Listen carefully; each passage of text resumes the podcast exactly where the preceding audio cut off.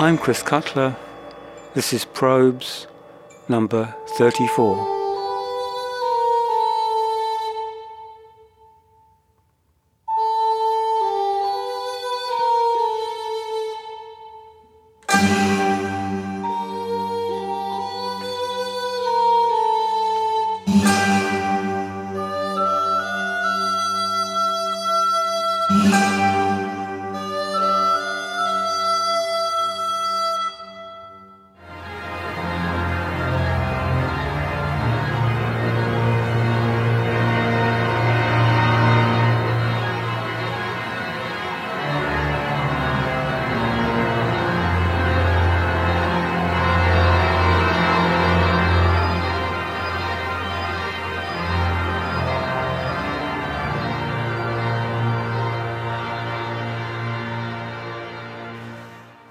1911, a Bavarian schoolteacher, George Mager, heard an out-of-tune organ and became a lifelong convert to microtonality.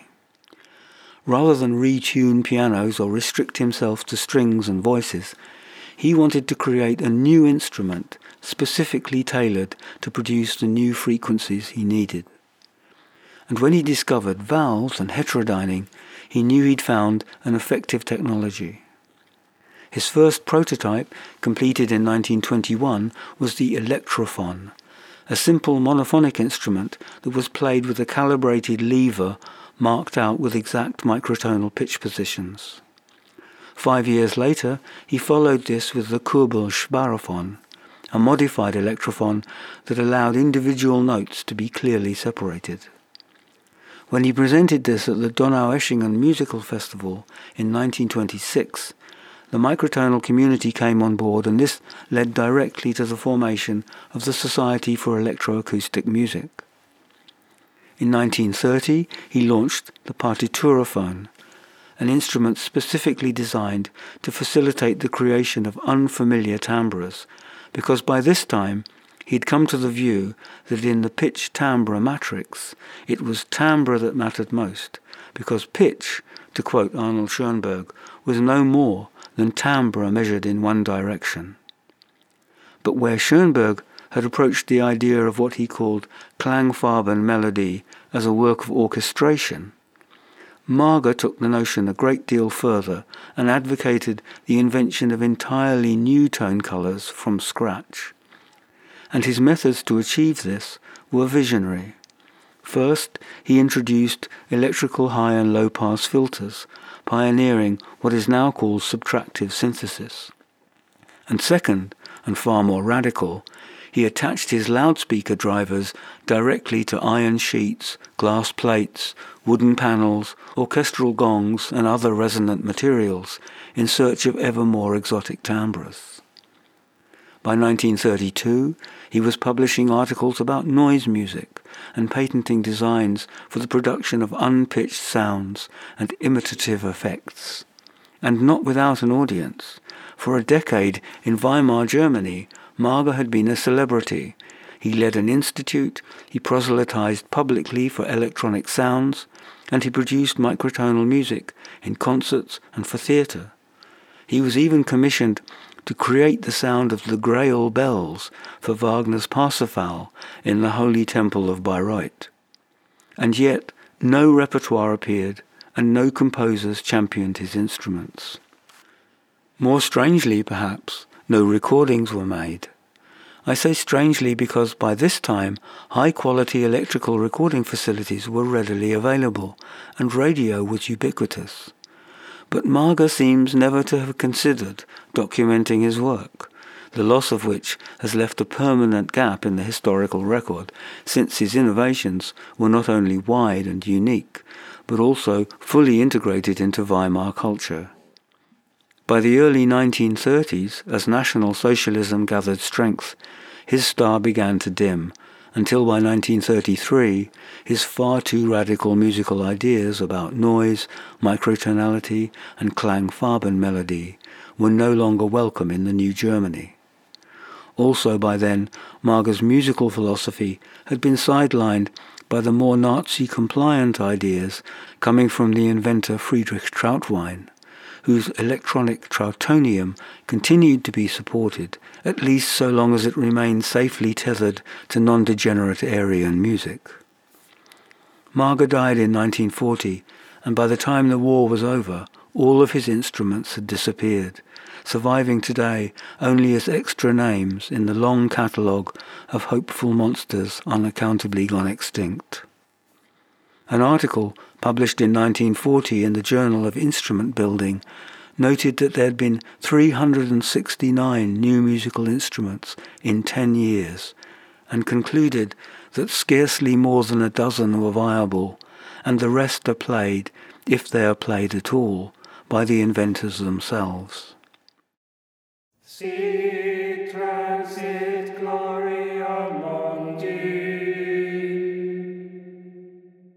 Of all Mager's pioneering work, only one very short recording exists, preserved on the soundtrack of the very elusive 1936 mystery film Stärker als Paragraphen, Stronger Than Regulations.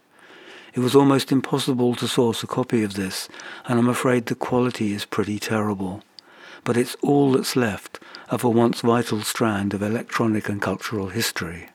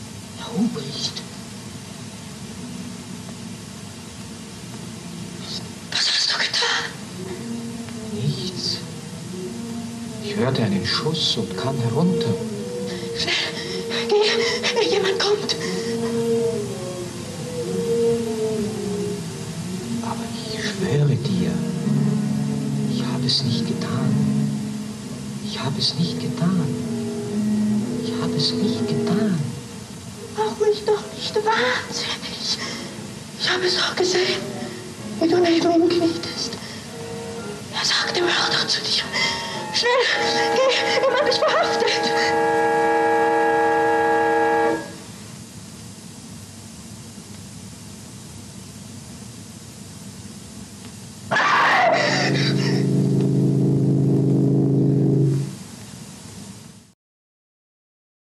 1927, just after Mager had launched his Kurbelsphärophon, the French electrical engineer René Bertrand, with the active participation of Edgar Varèse, launched the Dynaphone, another monophonic heterodyning instrument controlled like some of Mager's instrument with a pitch dial and a volume switch.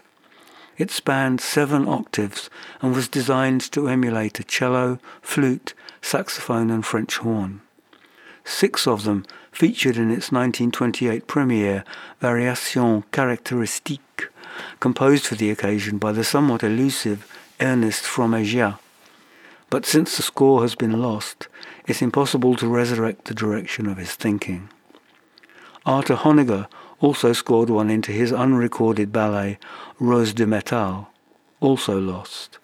And after that, no new repertoire appeared and no recordings were made. Other heterodyning variants came and went, amongst them Nikolai Obukhov's Croix the Neo-Violena, the Emicon, the Ondium Pechard, the Ether Wellenggeiger, the Sonar, and the Electronde. This last, essentially a theremin, to which in 1929 the German inventor Martin Taubman had introduced a much needed switch to enable clear note separation and staccato articulation. For once, there's a surviving newsreel clip, so we do know how this sounded. Mm.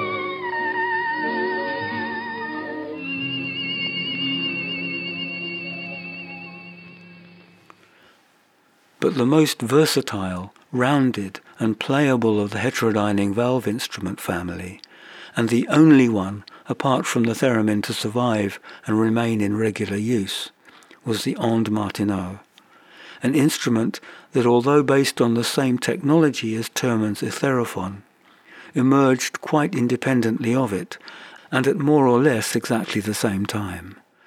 Both men were cellists, and both had been radio engineers in the Great War, and both were driven by deeply musical sensibilities. The first onde was played by hooking a finger through a ring that slid freely along a wire with a keyboard marked out below for visual pitch orientation. But by the mid-1930s, Martenot had introduced a seven-octave keyboard on which each key could be shifted laterally to bend the pitch by a semitone, or, if articulated like a cello, to produce fast finger tremolo.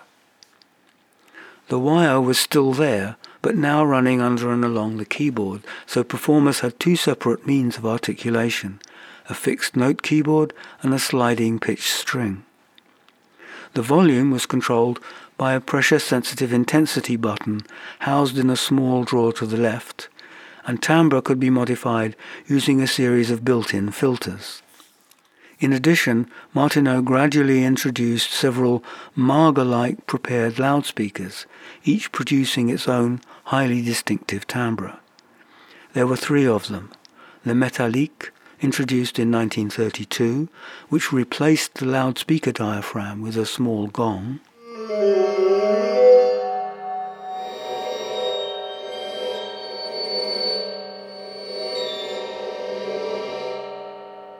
Then in 1950, the Palm, which was fitted with 12 sympathetic strings, like a sitar, tuned to cover all 12 semitones of the octave.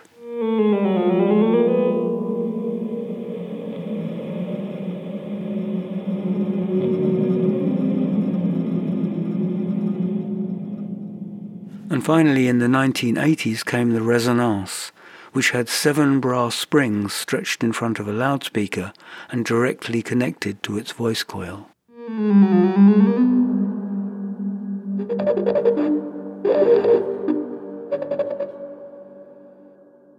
So although it was still monophonic, the Onde was impressively flexible, and Martenot had specifically designed it to be both performer-friendly and orchestra-compatible. He launched it at the Paris Opera in 1928 with the Poème Symphonique, an orchestra composition specially commissioned from the Greek composer Dimitrios Levidis, for which Martenot himself played the solo part. Unaccountably, this work, in spite of its obvious importance, has never been recorded. However, word of its success reached Leopold Stokowski in America who invited Martenot there to perform the work again with his Philadelphia orchestra. The Onde had definitively arrived. Not long after that, Edgar Varèse introduced two of them into the French premiere of his Amérique, and other composers began to write new works, including Honegger, Jolivet, Milhaud, Ibert, Koechlin, and preeminently Olivier Messiaen whose Trois Petites Liturgies and Turangalîla Symphony alone would have ensured its permanent survival. Maurice's sister, Ginette, also played a critical part in its acceptance, not only as the instrument's first virtuoso performer, but also as a tireless promoter, educator, and commissioner of new repertoire. Here's an extract from Messiaen's Turangalîla Symphony, Le Chant d'amour.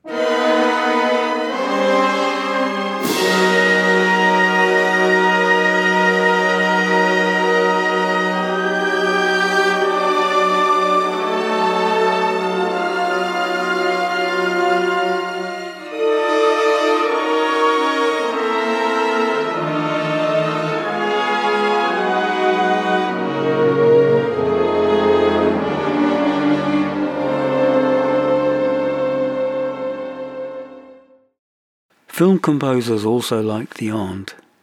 A first responder was Arthur Honegger, who used one in his 1932 score for the French animation of Frans Masereel's classic graphic novel, The Idea. As far as I've been able to discover, this was the first time any electronics had been used in a Western film score. The first ever credit, though, belongs to Dmitri Shostakovich, who called for a theremin to depict a snowstorm in Trauberg and Kozintsev's Odna the year before. I'll include that in the auxiliary to this program, but for now, here's an extract from Honegger's score for the idea.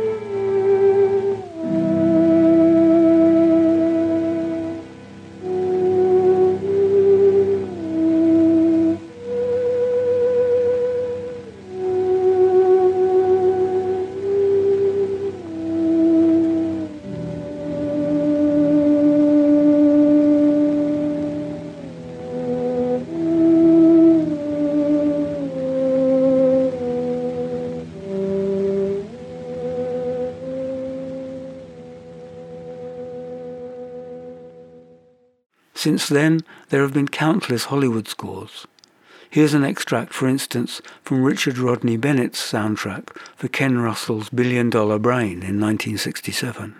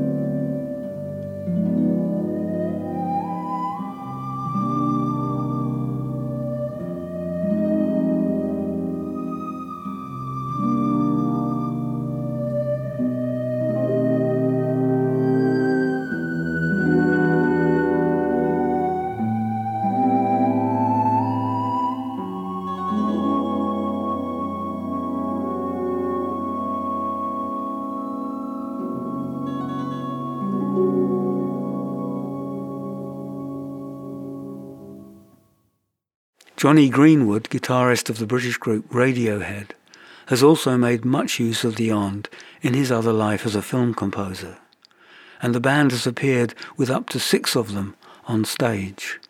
Here's an extract from a short concert work Greenwood wrote for the London Sinfonietta featuring two Onde Martenot in 1996.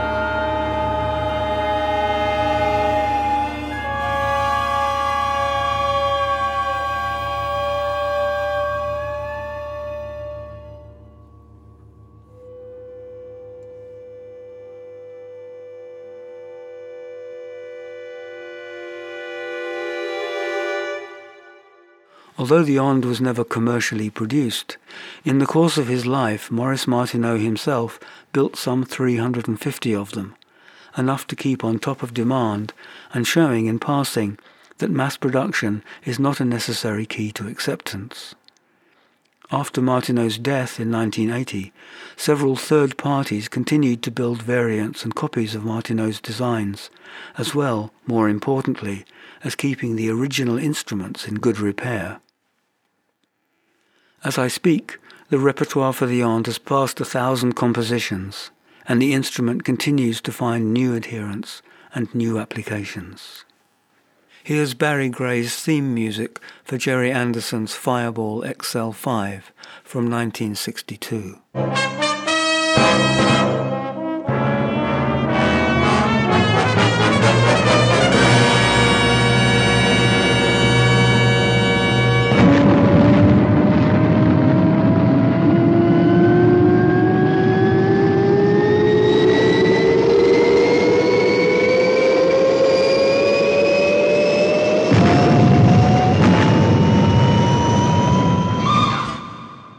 Another rare survivor, though more tenuously, was the Trautonium.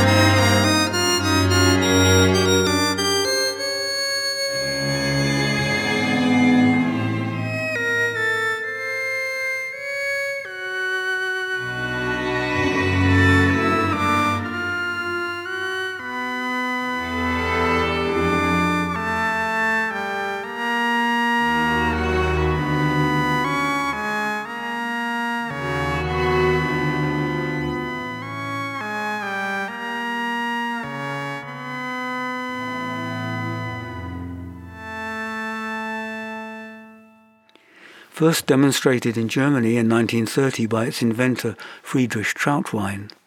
The Trautonium incorporated a number of new and modified features.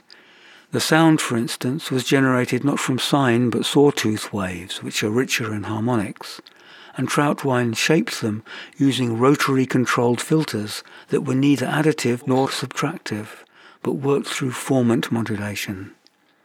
Formants are like natural acoustic spaces. They emphasize a particular cocktail of resonant frequencies and are native to the specific acoustics of a space. Think of the mouth cavity and all the variations you can get from a single sound just by moving your lips, tongue, and cheeks.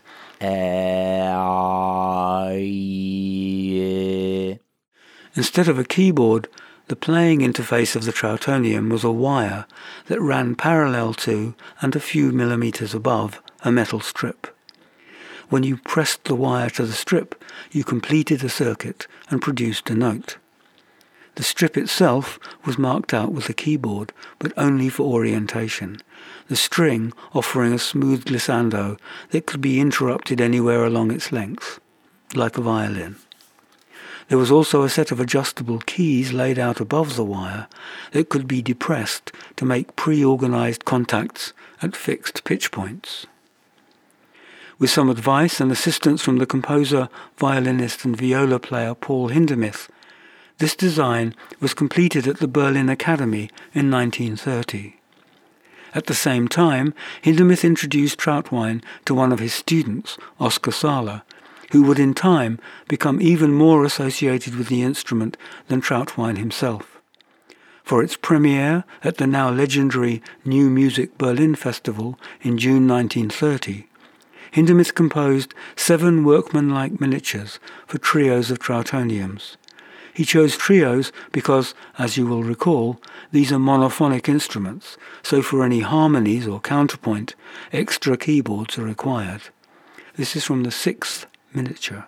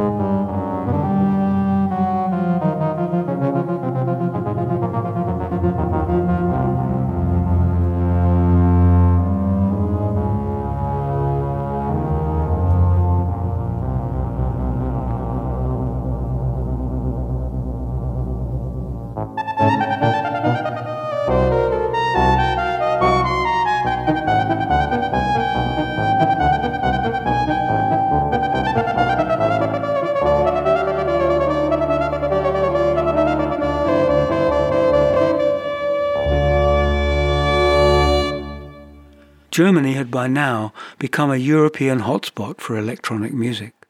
It had an established infrastructure of government funding, research institutes, radio laboratories, and it hosted well-attended festivals. It was in this climate that the radio and electronics firm Telefunken decided in 1933 to manufacture a simplified Trautonium aimed at the domestic market. At the time, Telefunken's main product was radios, and the Volkstrautonium was designed to plug directly into one of these, rather than needing a separate amplifier and speaker of its own. Although 200 were made, only a handful were sold, and after four years, Telefunken abandoned the project. The Reich Radio Society picked it up, commissioning yet another redesign from Oskar Sala, this time incorporating a second fingerboard to support two-part polyphony and far more sophisticated timbral controls, which for the first time in an electronic instrument exploited subharmonics, those quasi-mythical beasts that mirror below the fundamental the harmonics that are projected above it. It was for this model, the radio Trautonium, that Hindemith composed his last work for the instrument. An era was coming to an end, and Hindemith was soon, along with Schoenberg, Mahler, Webern, Berg, Stravinsky, Krenek and Kurt Weill, to be denounced by the new National Socialist government as a standard bearer of musical decay, meaning, presumably, works like this, the Langsames Stück and Rondo for Trautonium.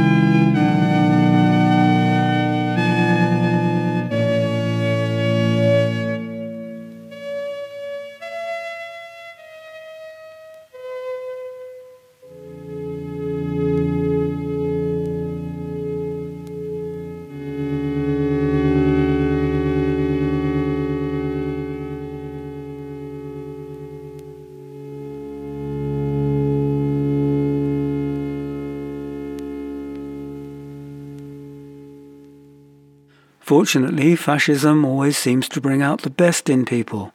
Mager denounced Hindemith, Trautwein denounced Mager. Hindemith fled to Switzerland and Trautwein successfully argued the National Socialist case for the Trautonium, which was then accepted as an instrument of steel romanticism. In the meantime, the rather more apolitical Oskar Sala was doing concerts, lectures, and radio performances in which he safely played a mixture of approved classical repertoire and healthy new German electro music, little of which seems to have survived today. When the war was over, Trautwein took a post in Dusseldorf and Sala made further improvements to the Trautonium, eventually unveiling in 1952 his much improved Mixtur Trautonium. By this time, however, such instruments were making little impression on the coming generation of composers who were looking for something far more radical. So it was left for Sala to find a personal niche for his instrument, mostly in soundtrack work for film and television the one surviving legacy, and deservedly, being Sala's highly effective sound design for Alfred Hitchcock's The Birds, in which all the sounds and effects on the soundtrack, which has no formal score, were derived solely from the Mixtur Trautonium.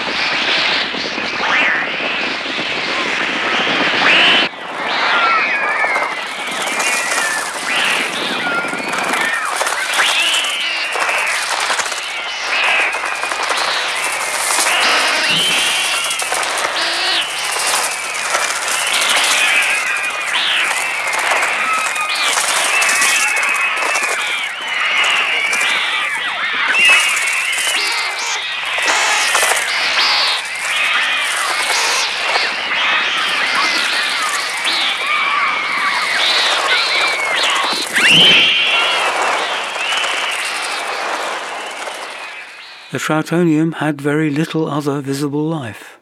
Almost no new repertoire was written for it, and Sala remained its only qualified exponent.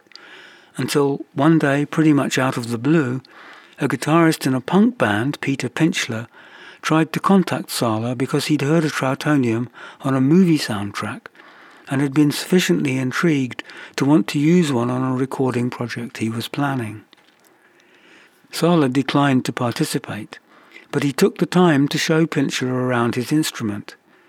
Here and there, now and then, over the next decade, the two occasionally met, Pichler watching and learning.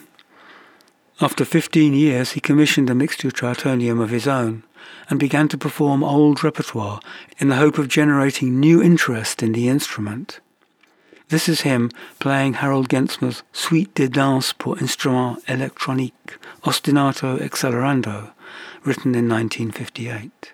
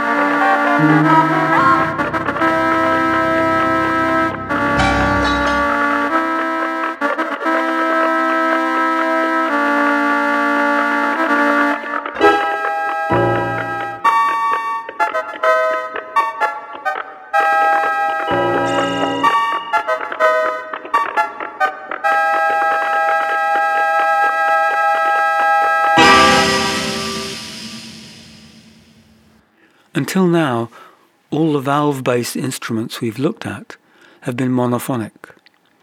The first polyphonic valve-based keyboard I could find appeared in 1926, built from a design by Hugo Gernsback, the inventor and novelist now probably best remembered for being the publisher in 1908 of the first radio and electronics magazine, Modern Electronics, and then again in 1926 of the first science fiction magazine, Amazing Stories. Like most electronic instruments at the time, the Pianorad was based on sine tones, but it was modular, dedicating a separate valve oscillator to each key of the two-octave keyboard and assigning each note to its own independent loudspeaker. Gernsback thought the speakers could be distributed around an auditorium, in principle creating a point source for each note, which is a very interesting idea. But his immediate intention was to connect the keyboard directly to a radio transmitter and dispense with any intermediary loudspeakers and microphones. The artist plays the Pianorad in absolute silence, he wrote.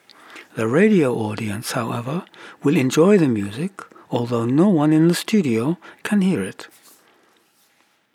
He made regular broadcasts from his own radio station in New York, usually accompanied by a violin or a piano. And although a full 88 note version was planned, it was never built because the studio was just too small. In the end, the instrument was never duplicated and its radical spatial possibilities were never explored. Then in 1929, the station closed, and the Pianorad was never heard of again. A year later, Theremin's own polyphonic keyboard, the electronic harmonium, appeared. This too made no lasting impression, and there are no recordings of that either. A year later, in 1930, Richard C. Hitchcock's polyphonic multivalve Westinghouse organ was installed in another radio station in Pittsburgh.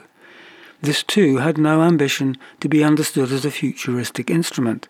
It was intended merely to simulate the familiar sounds of a traditional pipe organ electronically in order to achieve greater fidelity than was possible with the microphones of the day. Multiple valves were dedicated to each note, allowing individual timbres to be independently shaped by regulating the admixture of natural harmonics, exactly as Cahill's 200-ton telharmonium had done 33 years before. Meanwhile, in France, the Coupleux-Givelet organ combined valve oscillators with a sound control system that employed punched paper tape to modulate pitch, volume, attack, envelope, tremolo, and timbre predating music computer systems by some 20 years. This was not only the most ambitious of the one valve, one note keyboards, but also a straightforwardly commercial enterprise aimed directly at providing churches and radio stations with a small and relatively inexpensive substitute for the traditional pipe organ. The Coupleux-Givelet was a runaway success, and it looked at last as if a model for the mass acceptance of electronic instruments had finally been found in the unthreatening form of an affordable, mass-produced polyphonic organ substitute. It was a niche designed rapidly to expand, but the multiple valve per note technology, although heroic and successful, was evolutionarily doomed. In the coming systems, valves would still be dedicated to amplification, but the sounds would be generated by tone wheels.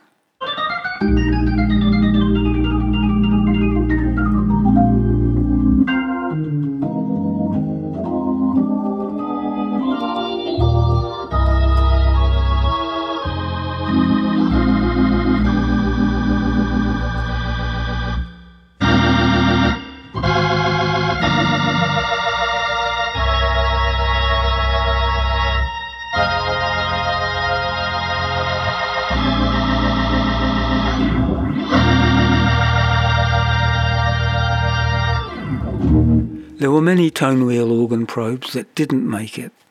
In 1927, there was the Canadian Robb Wave organ. Two years later, the French Orgue des Ondes. A year after that, in Vienna, the Magneton. And in 1931, both the American Rangertone and the British Mellotone. But the instrument that quietly normalized electronics for the masses and set the pattern for the next 35 years was the Hammond organ. And that's the trail we'll be following in the next episode.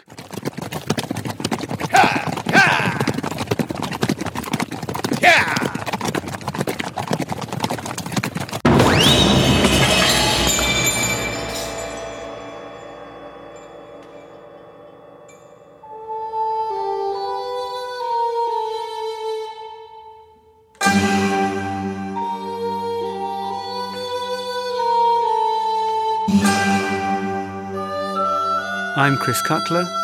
This has been Probes.